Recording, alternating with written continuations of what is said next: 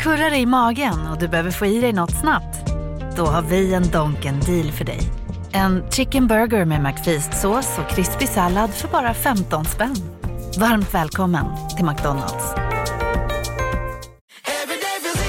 Som medlem hos Circle K är livet längs vägen extra bra.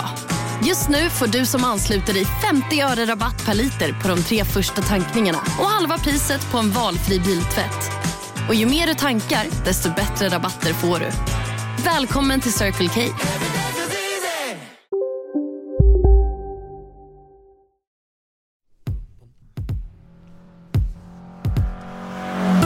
I avsnitt 240 av Vi bilägares podcast provkör vi franska former i Renault Arcana och tyska elskåpet EQV från Mercedes. Nya Skoda Fabia hänger med, men hur länge? Och så avslöjar vi vad svenskarna tycker om bilförsäljare.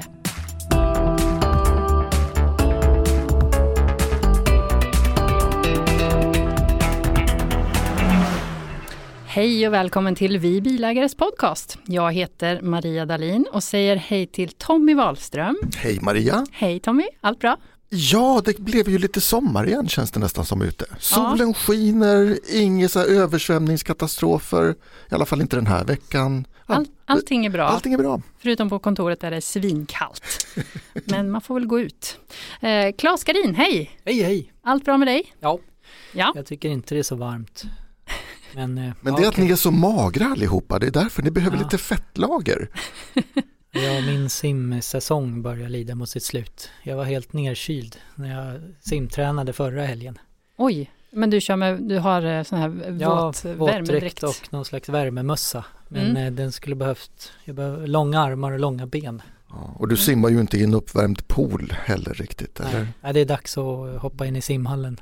Är det bra ombytesutrymmen i eh, Seatleon, du som brukar svida om innan du hoppar ner i vattnet ja, i bilen? inte som jazz. Det är min favorit hittills. Mm. Eller vad säger du Nils? Du är ju jazzförare just nu. Jag är väl inte här. Nils Svärd, hallå, hej! Vad gör du här? Du var på väg ner till ljuslabbet. Jaha. Men eh, vi ska prata om en sak eh, och vi haffade Nils, eller han kom in själv Jaha, och berättade. Var det så det var? Jag trodde du skulle vara med hela timmen. Nej, nej, nej. Han bara står här som en inventarie. Jag, eh, precis, jag är enkel på väg att ljusmäta en Tesla Model 3. Den har ju fått uppgraderade strålkastare för ett tag sedan vi inte fått tag på någon sån, men nu har vi en i redaktionsgaraget så nu ska jag skynda ner och köra en ljuslabbet får vi se vad den går för. Spännande. Men vi tänkte ju prata polisprofilering va? Var det inte ja, så? Klas, du har mm. eh, mer information om det, eller hur? Ja, vad bra att du är här då Nils, för nu ska vi prata kriminellas favoritbilar. Jajamän. Ja. Det var därför Tommy haffade mig när jag gick förbi poddstudion ja. på vägen ner. Och nu kommer chefen också. Hej Niklas! Va, vad vill Niklas? Ja, lite grann. Vi spelar in här.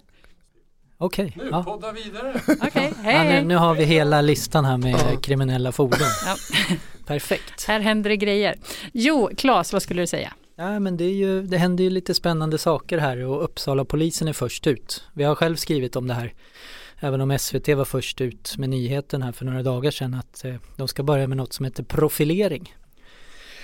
Och det är Maria Rosander som är vägbrottsexpert på polisen Region Mitt som eh, har eh, slagit ett slag för det här. Jag kan eh, i och för sig tycka att det känns lite konstigt att inte det här har skett tidigare. Men utöver då att kontrollera hastighet och nykterhet så kommer man nu att eh, kika på ja, avvikande beteende. Eh, om man tittar bort, håller på med mobilen, allmänt aggressiv körning i trafiken till att börja med. Ja just det, korta avstånd, hög hastighet, ja. konstiga omkörningar, allt sånt där. Som man tycker egentligen borde vara ganska självklart. Va? har de inte, inte tittat på det förut? Vad gör då polisen? Med tanke på gängkriminaliteten och hur många skjutningar som har skett här nu under året så tror jag att de har insett att de får eh, hitta på något nytt och framförallt prata om det. Även mm. om eh, jag tar det som självklart att det här hör till en vanlig trafikkontroll. Men det som är lite spännande är att den här metoden utvecklades då såklart i USA av FBI och det var för att hitta seriemördare. Så ja, att, eh, ja okay. det finns tydligen eh, ett antal sådana i USA då. Man kan ju undra då vad som händer om man kör runt i en RS6 som av någon anledning har blivit väldigt omtalad när det gäller flyktbilar jag vet inte om det fortfarande är så men den ansågs ju ha extrem prestanda och eh, som bra plats för rånarbytet, fyrhjulsdrift. Bra att köra genom skyltfönster med. Ja, och sen så var det väl också Är någon... det ett säljargument då i bilhallen? Ja, precis, det var ju värdetransportrånen som var ett tag va?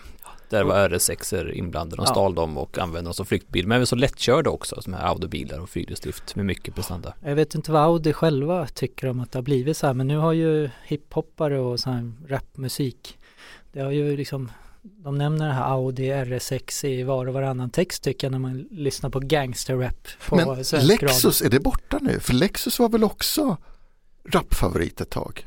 Eller Ja det är ingenting man var det hör. bara Petter som gillade det var det. Lexus? Kanske. Det var 20 år, 20 år sedan eller något. Men eh, den var ju känd också för att vara väldigt diskret eh, tidigare trots sin enorma prestanda och det vet i fasen om den är längre. Eller vad säger ni? Nej, den är kaxig till tusen, den nya RS6 Ja. den tar ju för sig rejält. Mm. Ja, nej jag tror inte det är något favoritfordon och framförallt så är det väl kanske de som köper dem blir väl av med dem innan den används som en flyktbil. När jag först såg den där rubriken så studsade jag ju och tänkte vad fan ska de nu börja jaga folk för att man ser ut på ett visst sätt eller har en viss hudfärg och kör en, en flott bil. Men sen så förstod jag ju att det är inte det det handlar om utan man tittar hur bilen framförs i trafiken. Och där kollar man då på noga på sådana som, som avviker på något sätt. Eh, nu har jag dock hört ett rykte att vi bilägare ska få en specialbevakning av polisen på våra långtestbilar framöver. Och det är efter att Nils grep in. Ja, eh, det står tyvärr eh, 1-0 till vi bilägare versus polisen. Så att eh, de kanske försöker haffa oss och jämna till den siffran står, så det står 1-1 igen. Eh, nej men det var nämligen i somras som jag berättade för mina kollegor det här tidigare. Så eh, mötte jag en målad polisbil på landsvägen som var helt nedsläckt. Den hade inga liksom, lampor på. Då menar jag vanliga strålkastare eller halvljus eller DRL eller vad som helst. Um, han var, körde vanlig trafik så tyckte det såg ändå lite illa ut så jag gav honom en liten helljusblink låtsas polis som han är. För jag tänkte att han kanske ändå ska kom, komma på sig själv. Besserwisser, besserwisser Ut i, ut Nils i fingerspetsarna. Rätt ska vara rätt, även om man kör en målad XC70. Ehm, så polisen vände och körde ikapp mig, vilket jag kan förstå. Han visste ju inte vad jag ville, liksom. jag kanske ville påkalla uppmärksamhet åt annat håll, så det var fullt rimligt. Så jag stannade vid vägkanten, han gled upp bredvid, vi hissade ner sidorutorna och han frågade lite myndig stämma, jaha, hur står det till här då? Så förklarade jag att ja, du hade ju inte lamporna på, du kanske vill göra det för att föregå med gott exempel i trafiken. Nej, man behöver inte ha lampor tända längre, det är nya regler på det är EU, EU-direktiv så att vi behöver inte ha tända lampor fram längre. Jo, fram måste du ha tänt men bak behöver det inte vara tänt. Så att om du sätter ett ljusreglage i autoläge istället för noll så kör du lagligt. Så ser man hur man, han böjer sig ner och tittar lite grann över vänsterknät. Gör en liten rörelse med ena handen. Ja, jaha, okej. Ja, då, då var allt bra då. Hej då. Så Nils Svärd tillrättavisar polisen. Ja, vi stod där vid landsvägen med en målad polisbil och en målad bilägarebil när jag berättade för honom hur den svenska lagstiftningen såg ut och hur han bör följa den på bästa sätt. Mm. Så nu kan vi se fram emot ett pärlband av flygande besiktningar på våra långtestbilar, kontroll av eh, lastvikt, eh, allt möjligt Belysning annat. i synnerhet. Nu gäller det verkligen att ha ljusreglagen i eh, ja, Tack. Nils. Kära hade- polisen, jag hade vi ber barnen- om ursäkt för Nils, vi ber om ursäkt för honom. jag hade barnen med mig i bilen, de var lite förvånade och min sjuåring sa att pappa, han var nog rätt ny. Ja, det kan, så kan det nog vara. Eh, Ja, nej men Nils, du ska få... Mm. Så att jag ber om ursäkt till er andra som kör dekaljerade bilar nu att det står, du kanske vill ha lite hämnd på sen. Ja. Det, det är som att ha en måltavla målad på bilen. Mm. Ja, ungefär och med det sagt så springer ner och testar lampor på en Ja. annan bil. Tack Gör för så. ditt bidrag Nils. Ja, Mm. Kommer aldrig åka förbi en poliskontroll längre. hej då Nils. Hej då, hej då. Ja, vilken historia alltså. Ja, Men Maria, vad tycker, tänker du om det här med profilering då? nej men, ja men det är det som ni säger. Jag, jag undrar varför gjordes inte det här innan? Det känns ju väldigt naturligt att kolla en, en bils beteende och på så sätt liksom dra, ja, Eh, inte slutsatser men i alla fall få idéer om att det här kanske vi borde kolla närmare. Men så länge det gäller liksom bilens eh, körbeteende så är det väl bra. Sen ska de väl kolla lampor också, apropå det här med strålkastare. De ska väl kolla om det är trasiga baklampor till exempel eller eh, ja, om det är någon som kanske inte, att det signalerar att någon kanske inte bryr sig så mycket om sin bil och att det då kan röra sig om till exempel bilmålvakt eller sådana saker. Ja precis och hon säger ju det här Maria Rosander att de har till viss del jobbat med det här den här modellen förut men de har inte satt ord på det. Och det kanske är någon på eh, polisens kommunikationsavdelning här nu som har sagt att nu måste vi ut och informera mer om vad vi gör känner jag. Du tror att det är PR alltså? Ja men det kan inte vara något annat. Det, här, det är ju det här polisen gör på vägarna. Jag menar, stannar man en bil där det sitter ett gäng med eh, Rolex-klockor i guld och verkar allmänt suspekta så alltså måste ju det leda till något, någonting mer. Särskilt om man har massa kontanter i bilen och har kört som en idiot. Men eh, de ska trots allt eh, utbilda poliserna som eh, kör radiobil i eh, profilering i Uppsala och eh, polisregion Mitt. Och det är ju framförallt ett, som de själva säger, högintressant sätt att arbeta mot gängkriminella. Mm. Så ja, vi hoppas att de får fast dem. Lycklig ja. jakt säger vi. Absolut. Eh, andra nyheter från veckan. Toyota går ut och ber om ursäkt med en väldigt djup bugning efter att eh, en självkörande buss i OS-byn har kört på en eh, synskadad fotgängare. Ja, det är ju tragiskt. Det här var då de här palett kallades de, e-palett. Ja. De här självkörande bussarna som som utvecklades eh, delvis tror jag speciellt för specifikt för Tokyo-OS. Eh, och då skulle de då köra runt automatiskt och köra runt och transportera olympiker, olympiker inom den här OS-byn.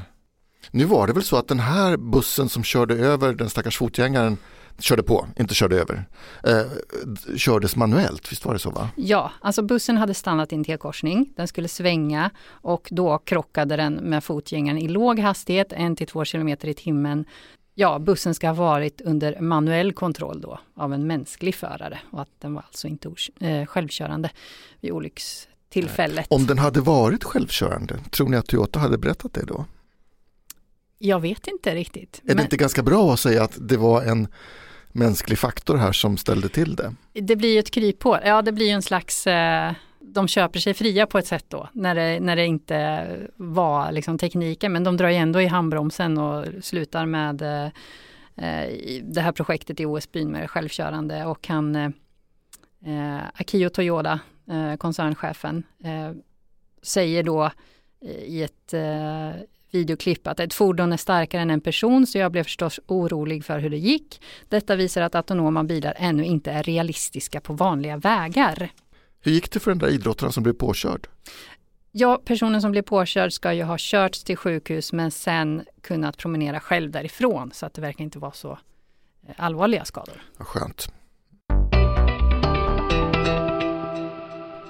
Autoindex, Sveriges största konsumentundersökning om bilar, fortsätter rulla ut resultat, den här gången om återförsäljare. Klas, vilket märke är kundernas favorit när det gäller säljare? Det är Honda. Yay! Grattis Honda, Honda. Honda. Ja, det är en tuff strid där i toppen eh, bland japanerna. Eh, det var faktiskt Toyota som eh, vann förra året med Honda på andra plats och Volvo på en tredje plats. Så det var någon europe som bröt sig in. Men i år så var det Honda, Toyota, Subaru i topp. Eh, det verkar ju trots allt som att Honda-ägarna är nöjda med det utbud som, som erbjuds. Det är ett väldigt slimmat utbud som Honda-handlarna har haft att arbeta med senaste året. Och det har ju varit Honda E, Jazz, CRV och Civic. Och nuvarande HRV den är slutsåld då. Eh, men eh, det kommer lite spännande modeller eh, framöver och eh, det som är lite intressant eh, är ju vad man har för förtroende för sin eh, bilförsäljare. Mm. Det är väl en sån här klassisk, jag vet inte om det är en myt, men eh, bilförsäljare är ju inte i topp när det gäller trovärdighet tyvärr. Men när vi kikar i Autoindex där man vänder sig till märkeshandlare så ser i alla fall förtroendet intakt ut. Så svenskar har eh, generellt sett ganska högt förtroende för eh, sina bilsäljare? Ja, eh, vi har ju ungefär 11 000 eh, personer, bilägare med bilar som är i det här fallet fyra år gamla mellan 2017 och 2020 som får svara på frågor i Autoindex. Och eh, då bröt jag ut en av 35 frågor som eh, tillhör det här segmentet eh, med eh, bilhandel. Och den frågan är då om man litar på sin bilhandlare. Och eh, maxpoäng är 1000 och eh, sämsta märket är Fiat som ligger på 741. Medel är 848 så det får ju anses vara en fin siffra. Mm. Och där ligger faktiskt eh, Toyota i topp och Honda på andra plats. Men jag kik, kikade lite på premiumtillverkarna, eh, Mercedes och BMW och de eh, tappar faktiskt poäng. Volvo ökar och Audi faktiskt av de andra premiumtillverkarna. Vad gör stackars Fiat för fel? De ligger ju sist i varje delmoment som du redovisar Claes. Ja, jag har fått eh, svar genom åren att det är lite stökigt med kontakten eh, mellan fabrik och generalagent och även mellan generalagent och återförsäljare. Jag tror att det är det som drabbar eh, bilägaren i slutändan. Och de eh, ägare som jag eh, blir kontaktad av när det gäller konsumentfall så är det oftast eh, väldigt dålig kontakt. Det, det tar lång tid och det är mycket frågetecken och ja, det verkar som de har svårt att, att få svar och hjälpa kunderna. Men jag tycker ändå, för det är ju en ganska liten tillverkare, det är ju inte så många kunder och så många bilar det handlar om. Jag tycker att det borde Nej, en annan, eh, ett annat problem är väl att de har, eh, de har försvunnit i eh, den här stora, de här stora bilhallarna. Eh, Hedin Bil är ju bland annat en av de större aktörerna som säljer Fiat. Det är väl lite så här smågodistänk. mm. De har ju extremt mycket märken. Men de har ju också Subaru till exempel som ligger ju väldigt högt då i, i dina Ja. listor. Men det jag kan tänka mig om man är bilsäljare och säljer x antal märken så blir det väl så att man har en favorit. Eh, Och Fiat är ju onekligen inte en utav dem. Blir man undanskuffad längst bak i eh, hallen och eh, har säljare som inte kan svara riktigt på hur modellerna funkar och hur det står till. Man har dålig kontakt med generalagenten. Då, Det sår ju frön av tvivel hos Ja. köparen om det är så. Om det, om det signalerar osäkerhet. Det var faktiskt så att eh, Sifo gjorde en undersökning 2018. Och där var det bara politiker som hade sämre förtroende än eh, jämfört med bilsäljare. Okej, Mitt första jobb var som bilhandlare. Ja. Ja. Men där har man ju paketerat ihop alla. känner du att folk litar på dig Tommy? Jag trodde det då i alla fall men det kanske inte alls var så. Vad sålde du för något? Inte Fiat? Jag började på Volvo, Volvo Renault och sen så var det Mercedes Nissan. Men finns det någonting man kan utläsa i de där eh, frågorna då om vad som inte funkar för, eh, vad sa du, Mercedes och eh, BMW var det va? Som har dalat lite. Varför de har liksom Ja, tappat förtroende för. eh, det jag ser är ju att eh, kundbemötandet ligger efter. Och där ligger ju de tyska premiumtillverkarna då, Mercedes och BMW under medel. Eh, och eh, det är ju den frågan, Så premiumbil ger ingen premiumupplevelse i bilhallen. inte i det här fallet. Men jag tänker att eh, borde inte det här, är inte det här en ganska enkel sak ändå för återförsäljare att fixa?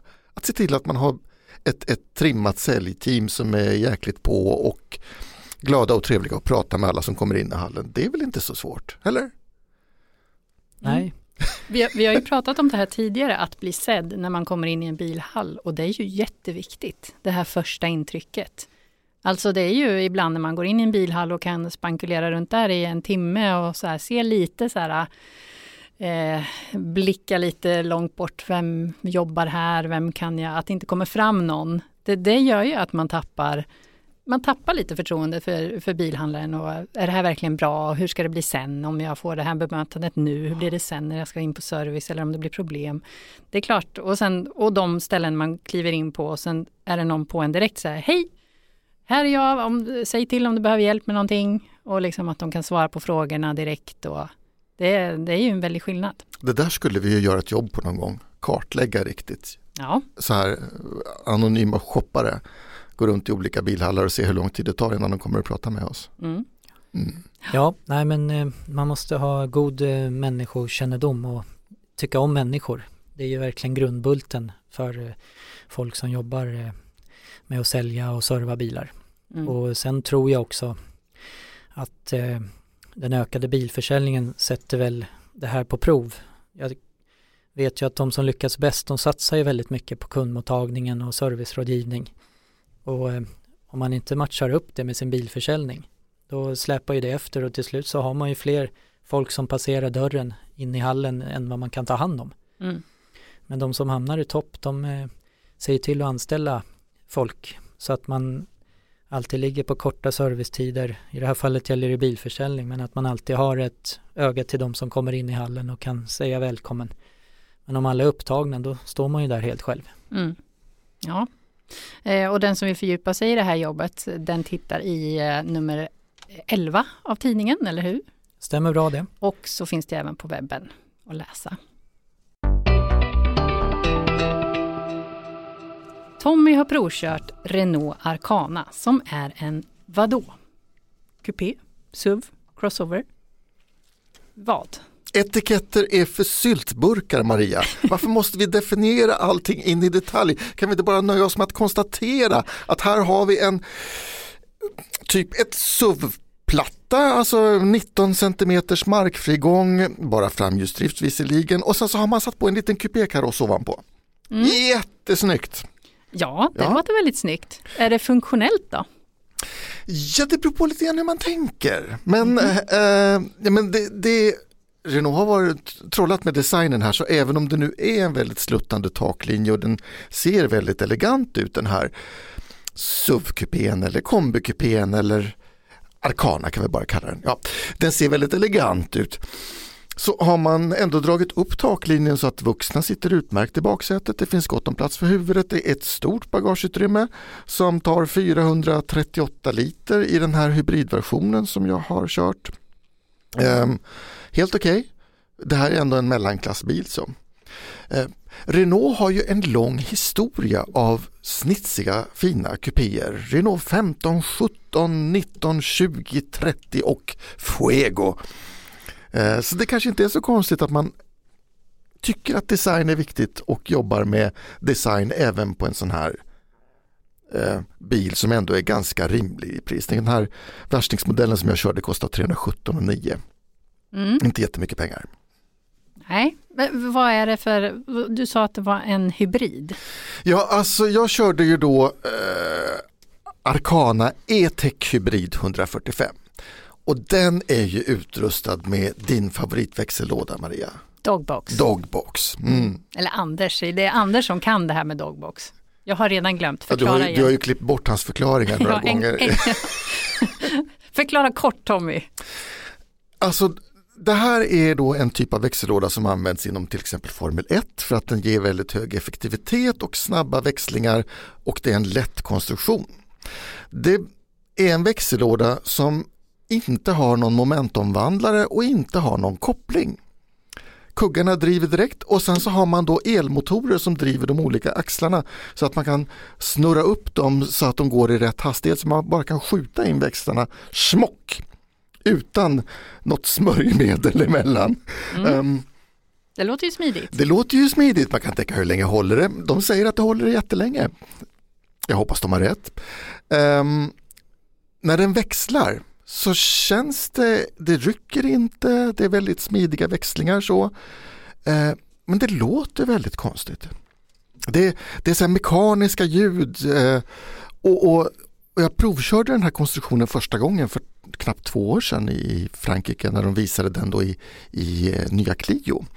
Och då sa man att ja, men det här är prototyp, det, det är bara nu, det kommer inte att höras sen. Och nu körde jag då den här Arcana som ju är samma bottenplatta som Clio fast man har tagit tag och så har man dragit ut den åt alla håll.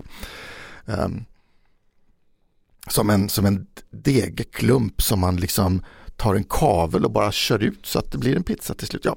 Ehm, En galett. en galett. Mm. Var var jag någonstans? Jo, Dogbox. Eh, och då sa man att ja, men det här ljudet är bara på prototypen men nu i Arcana den låter likadant. Och sen då bensinmotorn som är kopplad till eh, detta, den driver ju inte direkt själva hjulen eh, utan som jag har förstått utan den, den, den då driver en generator så, så ger den ström och sen en elmotor som står för det mesta av driften. Den snurrar iväg ibland i alldeles egna varvtal. Så man sitter där och kör lugnt och fint i 40 km i timmen. Eh, Renault säger att man kan köra upp till 80% av stadstrafikskörningen på bara el. Ja, och sen så sjunker batterinivån ner då, ner då och då, bilen känner att nu måste jag ha lite mer ström så då startar den bensinmotorn på ett som jag tycker då verkar slumpmässigt utvalt varvtal som inte har någonting som helst att göra med hastigheten på bilen eller gaspådraget som man ger. Plötsligt bara så drar den igång. Wii! Och så går den en stund. Så stänger den av sig. Det låter plågsamt eller det låter som Ja. att man, som du säger, hur länge håller det? det Ja men alltså, man, ja, nej, men man, man, man blir lite överraskad. Sen, det, det, är inte, det är inte jättehögt ljud, det är inte så att man känner att man behöver öronskydd men, men, men det, är, eh, det är ändå en ovan upplevelse så, och, och man känner att är det jag som kör dåligt? Har, har jag gjort något fel? Ska det vara så här? Men då pratar vi om en eh, räckviddsförlängare alltså. Nej, Det Nej. in de inte kallar det för. nej det, är en, det är en hybrid. Nej, för det där, så ser det ju oftast ut när man har en motor som går på konstant varvtal och det finns ju många fördelar med det. Men eh, Men jag tror inte den är riktigt så heller för den verkar vara lite mer som, som Honda Jazzen. Typ. Att den ibland eh, driver med el och ibland så kopplar den ihop sig på något sätt. Men, men jag, jag har inte lyckats få riktig klarhet i det här. Vi måste fråga Anders någon gång. Eller också kan du reda ut det här Maria. jag kan försöka. Mm. Men eh, alltså, hur, vad gör det här? Det ska väl inverka gott på förbrukning då antar jag? Ja, och det här är ju då en, en hybrid, ett hybriddriftsystem som tillsammans ger 145 hästar och eh, ska ge en deklarerad förbrukning på en halv liter per mil. Ja, bra. Mm. Gott så. Konkurrenter till den här bilen det är ju då Toyota CHR. Också förstås klassisk hybrid. Eh, men man tänker också att eh, Kia Exceed ska kunna vara en konkurrent och nya Citroën C4. Mm. Lite snyggt i form, lite högre sitthöjd sådär. Mm. Hur är insidan? Du pratar lite om eh, den sluttande, att man får plats i baksätet och att det är okej. Men eh, hur, hur eh, känns det i förarstolen? Mm. Det, det är ju många komponenter som man känner igen från Clio. Det är samma typ av infotainmentsystem med den här ganska stora skärmen som är hyfsat snabb och ganska lätt att använda. Sen har den sin egen franska logik. Så man får ju plugga på lite grann först. Till exempel har den det här mediareglaget som sitter dolt under ratten. Och det fungerar ju jättebra när man väl har memorerat vilka fingerkombinationer man ska använda för att få den att spela P1 eller sänka volymen. Men innan dess, för man ser ju den inte, då får man ju liksom kliva ur bilen och lägga sig ner under ratten och titta upp bakom. Då kan man se det här lilla reglaget. det är fortfarande kvar alltså. Mm. Och det är också en av Anders favoriter. Jo men det Men, är eh, bra när man har lärt sig det, men innan ja, då? När man har hittat det.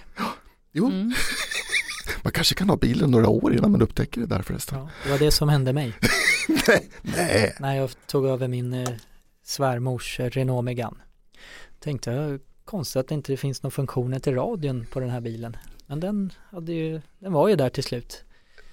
Så att, ja ja, ja, men nu kan du det. Varje gång du sätter in Renault så vet du precis. japp. Har du suttit med samma radiokanal i flera år då? Eller? Nej, Så illa var det inte. det, var, det Det gick, gick och, ju att trycka på skärmen. Ja, det var ju tur det i alla fall. Men även om man hittar den där tycker jag, jag är fortfarande ingen favorit av den som ni hör, så är det ju helt omöjligt att veta vad som händer på vilka knappar. Men okej, har man den och kör med den till vardags så får man väl in det där. Ett par år sen så sitter det där. Ja, Ja. sen då är det ingen privatleasingbil med andra ord. det får inte ta tre år. Nej. Men eh, Renault Arcana då Tommy, eh, vad tror du om eh, ja, Sverige-lansering? Går den att köpa nu eller när är det tänkt att den ska komma hit? Och, Nej, den, den går att köpa nu. Eh, och jag tänker ändå att kupébilar kanske inte känns så intressant men en kombikupé som det här ändå, det är en stor baklucka. Det är, vi svenskar gillar Hej, Hej, Susanne Axel här. När du gör som jag och listar dig på en av Krys vårdcentraler får du en fast läkarkontakt som kan din sjukdomshistoria.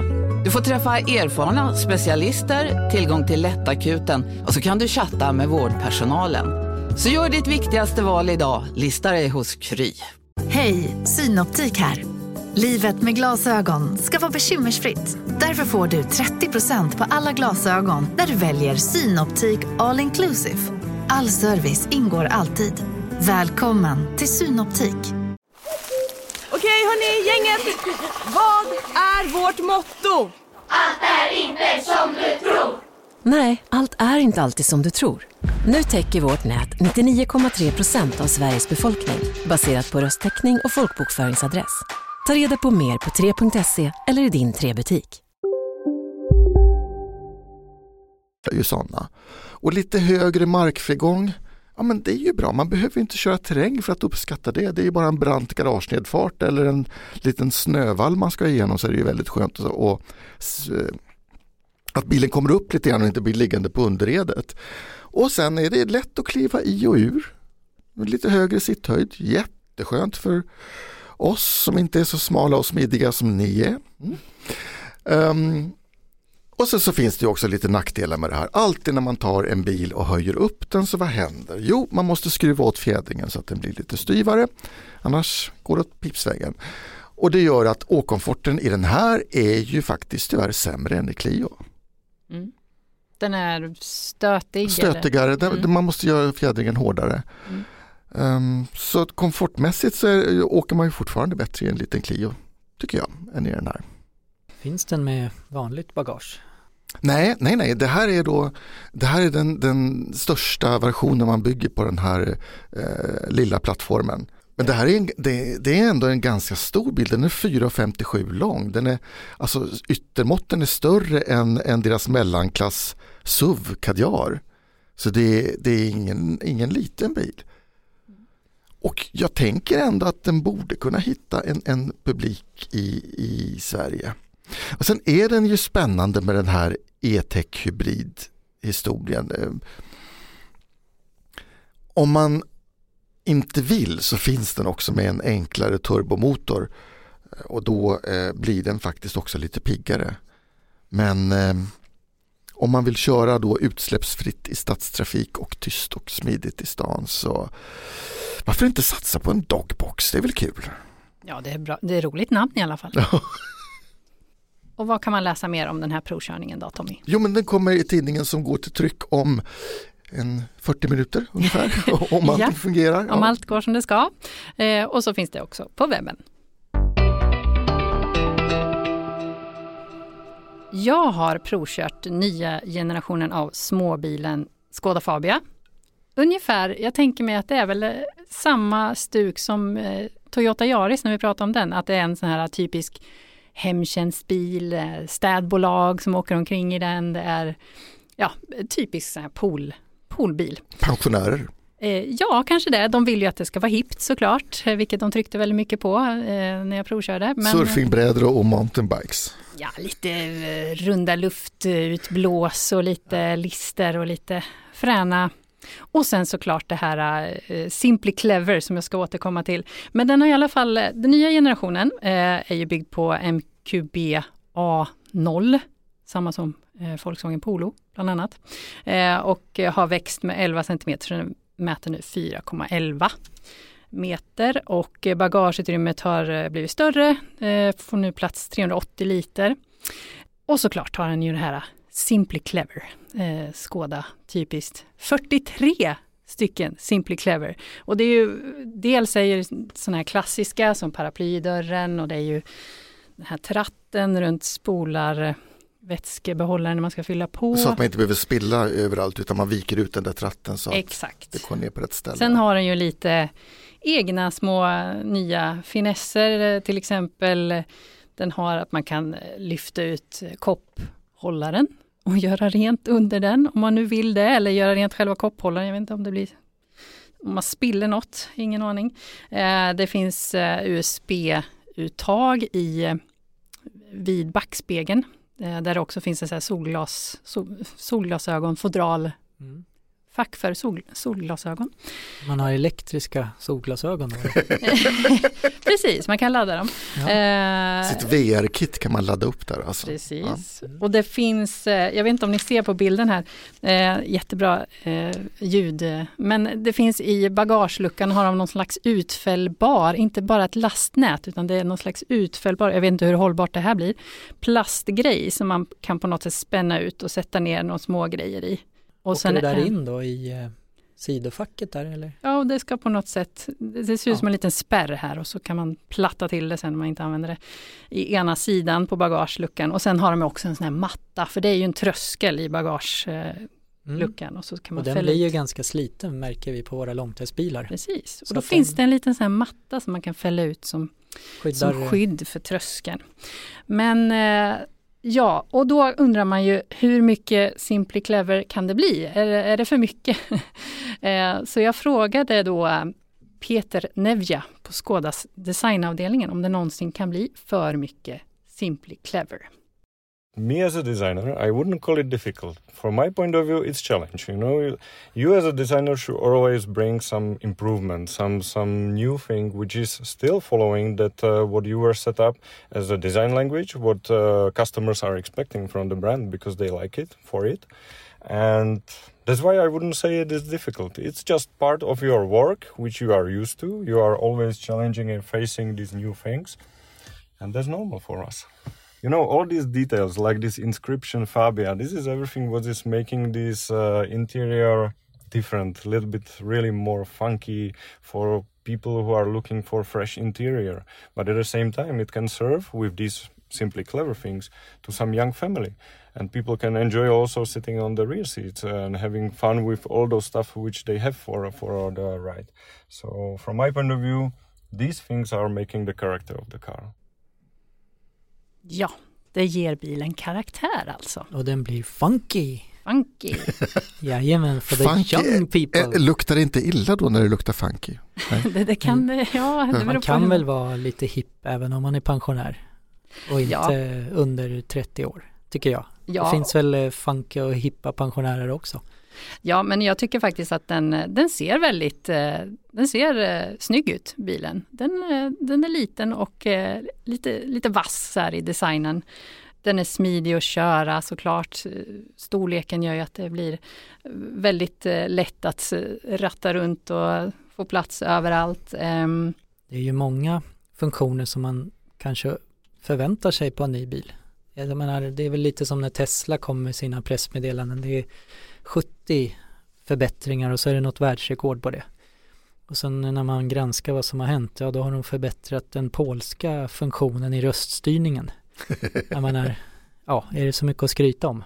Det kanske är liksom 43 saker som borde ha funnits där från början. Men det här är ju ändå en ny plattform, va? visst är det så? Ja. Den För den förra var ju någon slags hopkok mellan MQB och gamla Precis. Ah, så det var alltså 43 mm. saker de glömde på den gamla plattformen? ja, som kommer nu. Nej, men jag tycker faktiskt att den, den har vuxit upp, liksom känns mera mogen, eller vad ska man säga, eh, i karaktären. Alltså den, de säger att de har fått ner det här luftmotståndet på något vis, att den, det ska inte bli så mycket vindbrus. Eh, det var lite blåsigt när jag körde så letade det väl ändå in lite grann i, i kupén så, men den är, jag upplever den som väldigt tyst. Och det är något vi har klagat på innan eh, med Fabia, att den, att den låter mycket. Jag tyckte inte att den eh, förde värst, värst mycket oljud. Det kommer ju bara en version till Sverige, ett enda motoralternativ. Det är ju en Enkelt och bra. Enkelt och bra. En liters trecylindrig motor på 110 hästar med DSG, alltså bara automatlåda. DSG 7 i sju steg. Det är det enda som kommer finnas och i eh, varianten Style då, utrustningsvarianten. Eh, och jag tyckte att, och det var ju den jag provade. Eh, jag tyckte att den lät, ja men den, den gick väldigt eh, lugnt och tyst. Sen är det ju ingen bil som man kanske rullar fram med till streetracet och eh, den är lite trög ibland och jag tycker speciellt den här eh, DSG-lådan, den sjustegade tillsammans med den trecylindriga enlitersmotorn kan bli lite konstig i vissa situationer. Som i en rondell när jag skulle svänga ut därifrån eller jag skulle liksom komma iväg snabbt, som man gör i rondeller då, då var det nästan som att den valde mellan, den vill ju gärna ligga på låga varv som standard. Alltså den vill väldigt gärna, det ska liksom mullra doft från motorn och det är där den trivs bäst. Och sen när man pressar den så, så börjar den på en växel. Ah, nej, inte den. Nej, jag går ner. Nej, inte den. Nej, jag går ner. Så att den måste tänka väldigt mycket och där blev det, kände jag lite, ja, det var en viss tvekan där från drivlinan som jag tyckte var lite lite jobbig. Var det inte samma invändning som vi hade mot den här eh, lilla Skåda-suven vi hade i långteststallet? Med liten motor och DSG-låda. Karock. Ja. Jo, det var det. Det kanske är samma. Ja. Den var ju också lite stötig när man skulle köra iväg. Det, det, tyckte jag inte att Fabian var. Men, men jag tyckte att den tvekade väldigt mycket i alla fall och det kändes lite Annars brukar de här tre piperna vara väldigt trevliga i karaktären tycker jag. Som i Jarisen man känner att man har en ganska bra effekt och jag tycker de låter trevligt också även om det är omodernt att bensinmotorer låter. Men ja. det, man, det skapar någon körglädje där med tre cylindrar. Märktes ja, det någon motorkaraktär när man gasar på eller? Det var inte så mycket karaktär där utan det var mest jag vill helst köra lugnt ja. som jag fick intrycket från att eh, pressa mig inte så mycket nu. Nu ska vi ta det lugnt. Nu ska vi åka på våran runda här med hemtjänsten så nu, nu behöver du inte skynda på så Då mycket. Då kan man åka förbi Uppsala utan att bli stoppad alltså och eh, profilerad. Ja. jag, jag, tror det, men jag, jag, jag, ska inte säga säkert. Jag minns eh. gamla Fabian var ju ändå ganska kul att köra. Det var väldigt bra styrning i den tyckte jag. Ja, styrningen är bra fortfarande tycker jag. Den, den är med, hänger med och eh, funkar jättebra. Och jag sitter bra, ratten går att ställa i eh, höjdled, djupled, eh, sittdyna räcker till för mig i alla fall. Eh, ja, jag tycker det, den funkar jättebra på alla sätt och att den är tyst, tyst som jag sa. Ja men den har blivit så bra den kan bli, om man säger så. Men de har ju men, tappat sin stora fördel. Ja, det kommer ingen kombi till Sverige. Nej. Nej.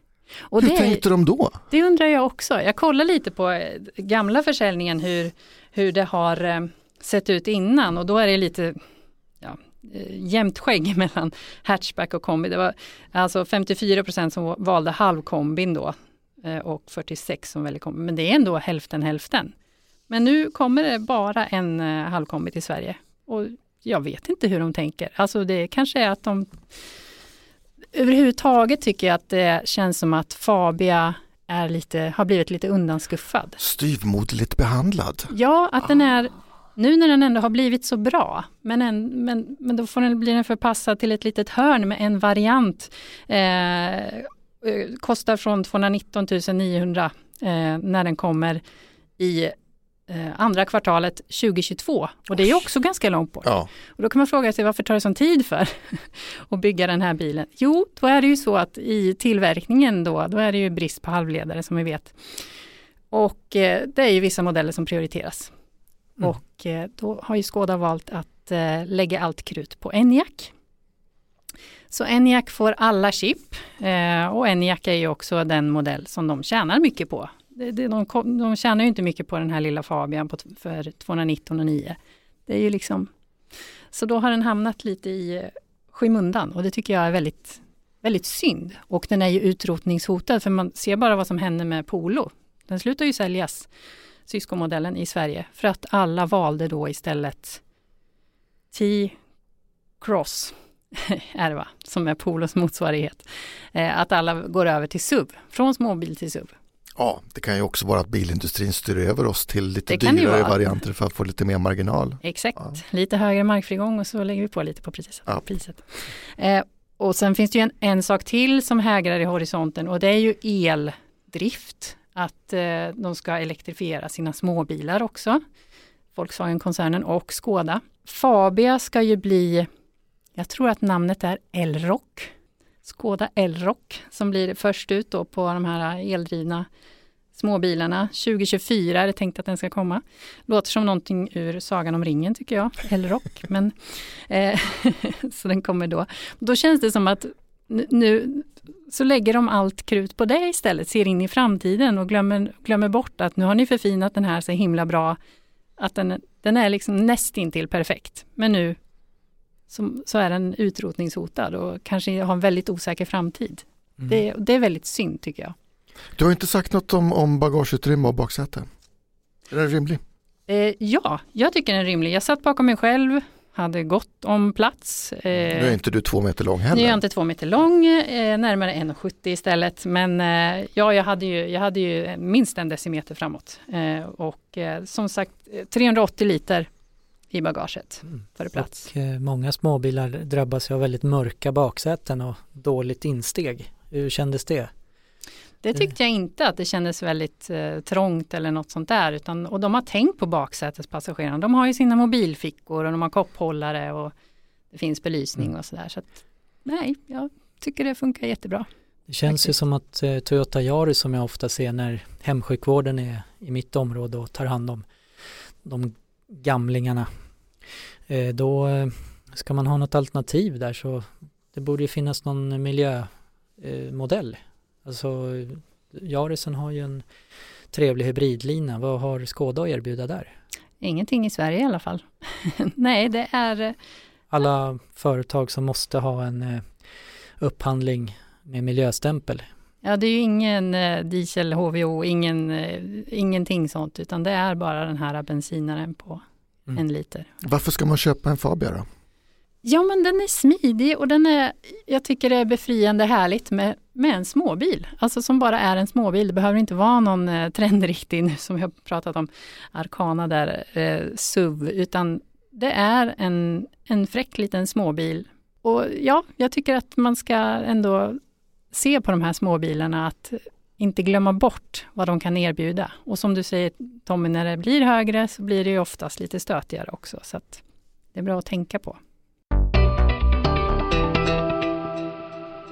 Klas har rattat runt i ett skåp för en miljon kronor. Eller hur? Det stämmer bra. Jag står här och myser lite när ni pratar om en bagagevolym på, vad sa ni? 380 liter. 438. Ja. Fnys säger jag då. Här börjar vi på 1030. Oj oj oj. Ja. Och är man eh, vältränad så kan man öka på det till 4630 liter. 4000 liter? Jajamän. En flyttbuss du har kört? Ja. Man ska flytta familjer i den i alla fall? Eller ja, ja inte så långt Nej. däremot. Okay. Man måste flytta tror jag inom sin region. Men det här är alltså en eh, elektrifierad V-klass. Eh, den heter då EQV 300. Och eh, jag kan väl nämna direkt att eh, den här eh, V-klassen det är den personbilsinredda eh, Vito-varianten. Den finns ju som transportbil under namnet Vito. Den finns också eh, som en E-Vito Tourer och det är en betydligt enklare variant än den här lyxiga EQVn. Men vi kan återkomma till det. Eh, det här är ingen bil med hög markfrigång. Däremot så sitter man ju väldigt högt. Det är ju busskänsla i den här bilen. Är det för att man har lagt batteriet i golvet då eller? Nej men jag tänker mer på själva eh, transportbilsmodellen. Eh, ah, ja, ja, mm. Man sitter ju verkligen rak i ryggen med ratten högt och med otroligt god utsikt över trafiken och det lockar väl många som kör eh, multivans från Volkswagen och andra eh, skåpmodeller. Nackdelen tycker jag är ju att hur mycket personbilkänsla man än försöker trycka i en sån här bil så lyckas man aldrig riktigt. Det blir väldigt mycket skåpbusskänsla. Men vad är det Mercedes har gjort där för att få personbilskänsla menar du? Ja, de har slängt in eh, så mycket lullull de bara kan. Och det är det som eh, skiljer den här V-klassen från E-Viton. Och det är alltså ett, det här utgångspriset på 865 000. Pressbilen låg alltså på 1,1 miljon. Och då får mm. du massa eldrivna skjutdörrar, taklucka eldriven. Du får lite belysning och sen så får du en ganska flashig men väldigt plastig och gnirkig inredning runt eh, förarmiljön. Eh, problemet som jag ser det också är ju att eh, den här nuvarande generationen som eh, EQVn bygger på, alltså transportbilen Vito, den lanserades 2014. Och det där känns i bakgrunden när man eh, sitter i den här bilen också. Den fick en facelift 2019 och då fick den lite bättre infotainmentsystem. Men eh, instrumentklustret är väldigt gammeldags. Alltså det, det känns inte modernt och det är svårt att inte dra paralleller till prislappen på över en miljon kronor. Eh, jag börjar tänka liksom på hela utvecklingen av eh, batteriteknik. Den här bilen har 30 mil max i, under bästa förhållanden. Och eh, du har en eh, laddkapacitet som är begränsad till 110 kilowatt vilket gör att det tar väldigt lång tid att ladda den.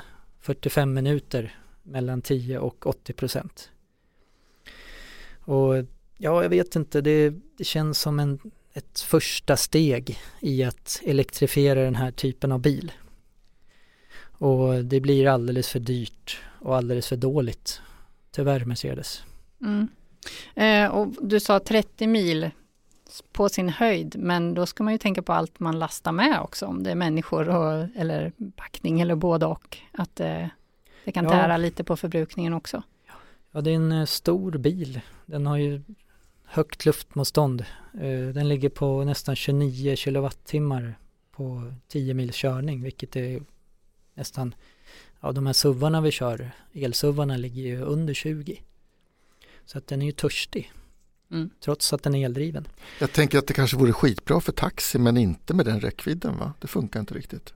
Ja, jag önskar att jag hade jobbat som taxiförare men jag kan tänka mig att kanske som shuttle för eh, någon slags eh, hållbarhetsdelegation från något hypat företag som måste åka fossilfritt Eller miljödepartementet. ja, visst. Och kanske inte för många företag per dag för att det kräver ju att stanna och ladda lite grann i mellanturerna också. Om ja. du nu tog, eh, vad sa du, max laddhastighet va? Ja, 110 kilowatt. 110. Mm.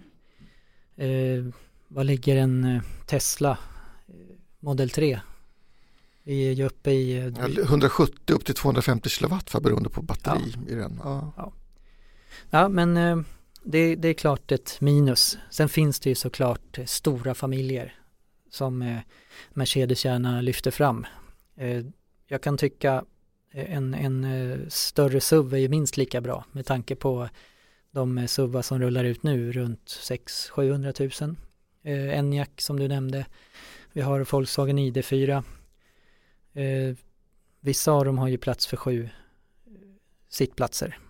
Tesla Model X tar väl sex i alla fall platser? Ja, eh, jag nämnde några konkurrenter här. Du har ju Nissan E NV200 Evalia.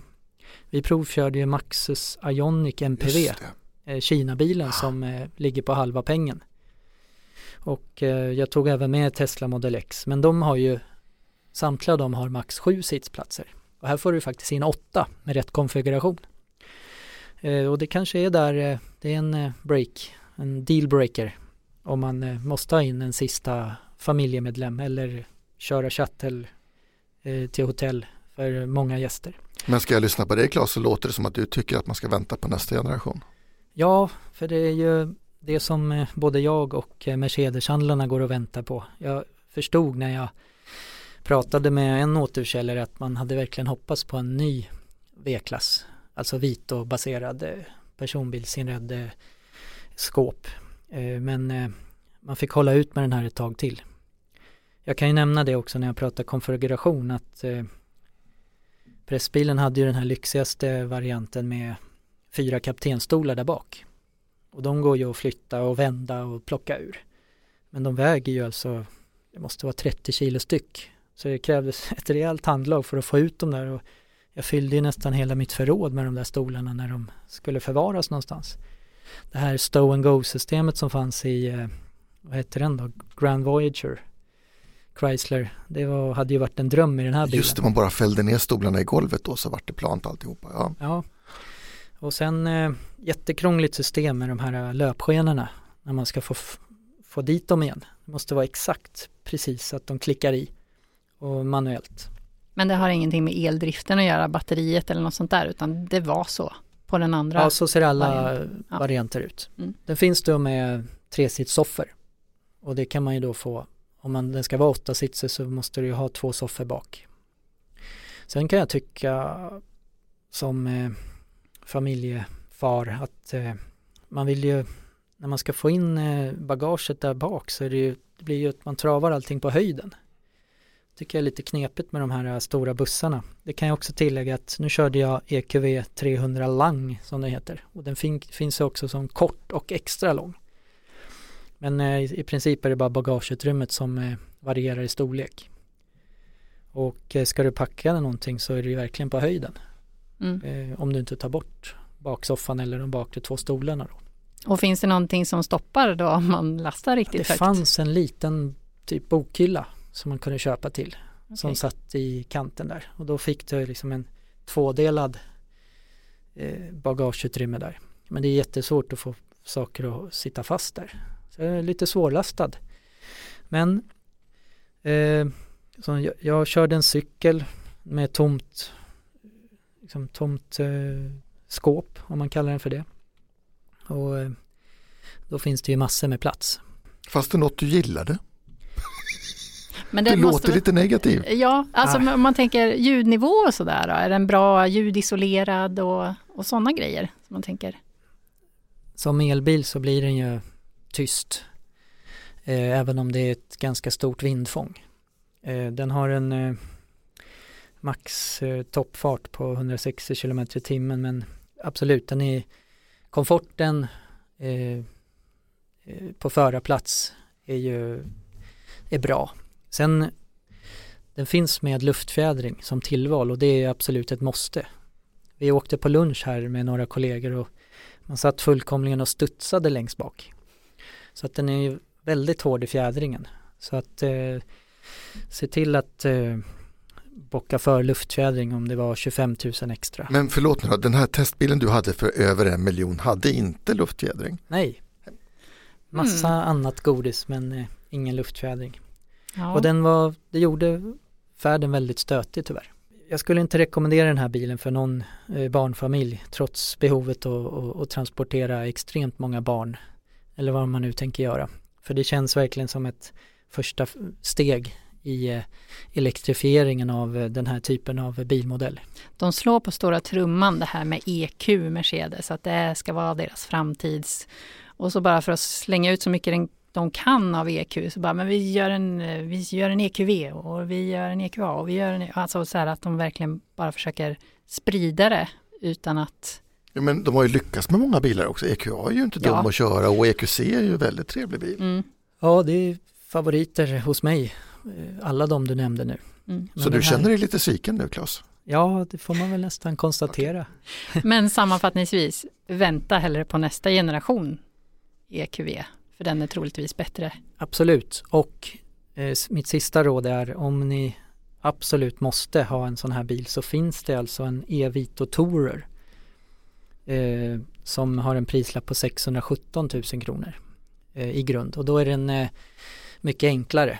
Eh, i, som i Mercedes-världen så är det ju en ren bruksbil men jag kikade in i den och det ser riktigt trevlig ut. Lite enklare headliner, eh, taket i bilen, inte allt det här lullull lite mera bruksig med plast runt, mycket bättre eh, bilval. Men det är fortfarande familjebuss med fönster och... Ja, ja, Ja. det ser ut exakt likadan fast eh, inte lika lyxig. Mm. Eh, det finns säkert inte alls lika mycket tillval. Men den kostar ju nästan 400 000 mindre.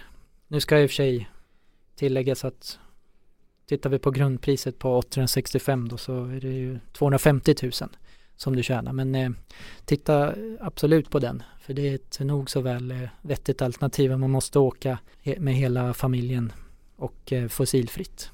Det var allt för den här gången. Vi Bilägares podcast är tillbaka om en vecka igen. Tack för att du lyssnat. Kör försiktigt och ta hand om varandra i trafiken. Hej då! Hej då! Hej då! Du har hört Vi Bilägares podcast. Om du inte redan prenumererar på podden så gör gärna det, så missar du inte något avsnitt. De senaste nyheterna hittar du på vår hemsida, vibilagare.se.